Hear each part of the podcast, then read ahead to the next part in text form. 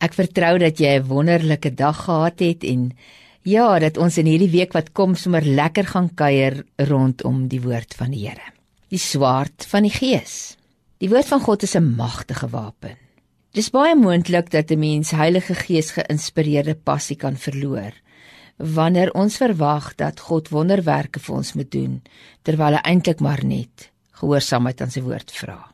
In 'n internetartikel Tapping into the Power of God sê Gary Carpenter dat meeste mense wat hom vra hoe hulle deur God se krag kan opereer, nooit doen wat hy voorstel nie.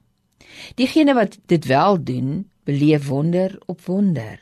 En dan verduidelik hy dat al wat God van ons verwag, is dat ons in ooreenstemming met sy woord sal begin optree. Paulus beskryf die woord van God as die swaard van die gees. Geen wonder nie want die Heilige Gees sal jou altyd terugneem na die skrif toe.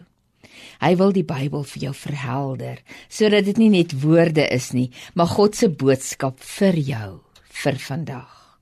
Hy help ons om altyd die Bybel in die teenwoordige tyd te lees en die eeuoue Bybelse inhoud vir onsself toe te eien asof God dit op hierdie oomblik ook vir ons sê. En wanneer ek en jy dan begin leef in die wete dat sy woorde wat van altyd af 'n werklikheid is, ook vir my en vir jou waar word, dan sal jy die krag van die Heilige Gees in werking sien gaan.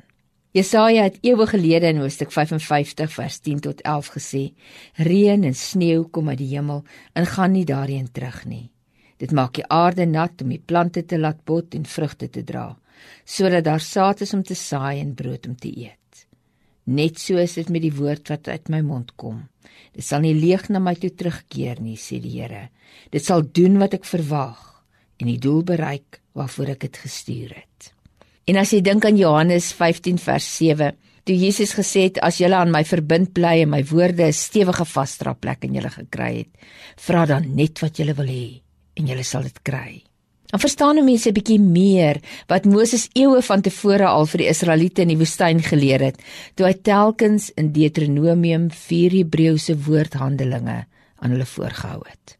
Keer op keer het hy vir hulle gesê: "Shema, luister na die woord." Dan het hy gesê: "Shama, maak dit jou eie." En dan het hy bygevoeg: "Asa, aktiveer dit in jou lewe." Luister na die woord, maak dit jou eie, aktiveer dit in jou lewe. En wanneer hy hulle aangemaan het, was dit met die Hebreëse woord aman. Julle glo nie. Maar die betekenis in die antieke taal is veel ryker. Dis gevul met inhoud en dit beteken julle het nie die beloftes vir julleself toegeëien nie. Julle het nooit die belofte geword nie. Om Moses se woorde te gebruik, word wat die Bybel oor jou sê.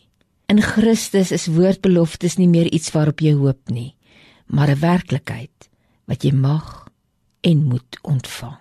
Amen.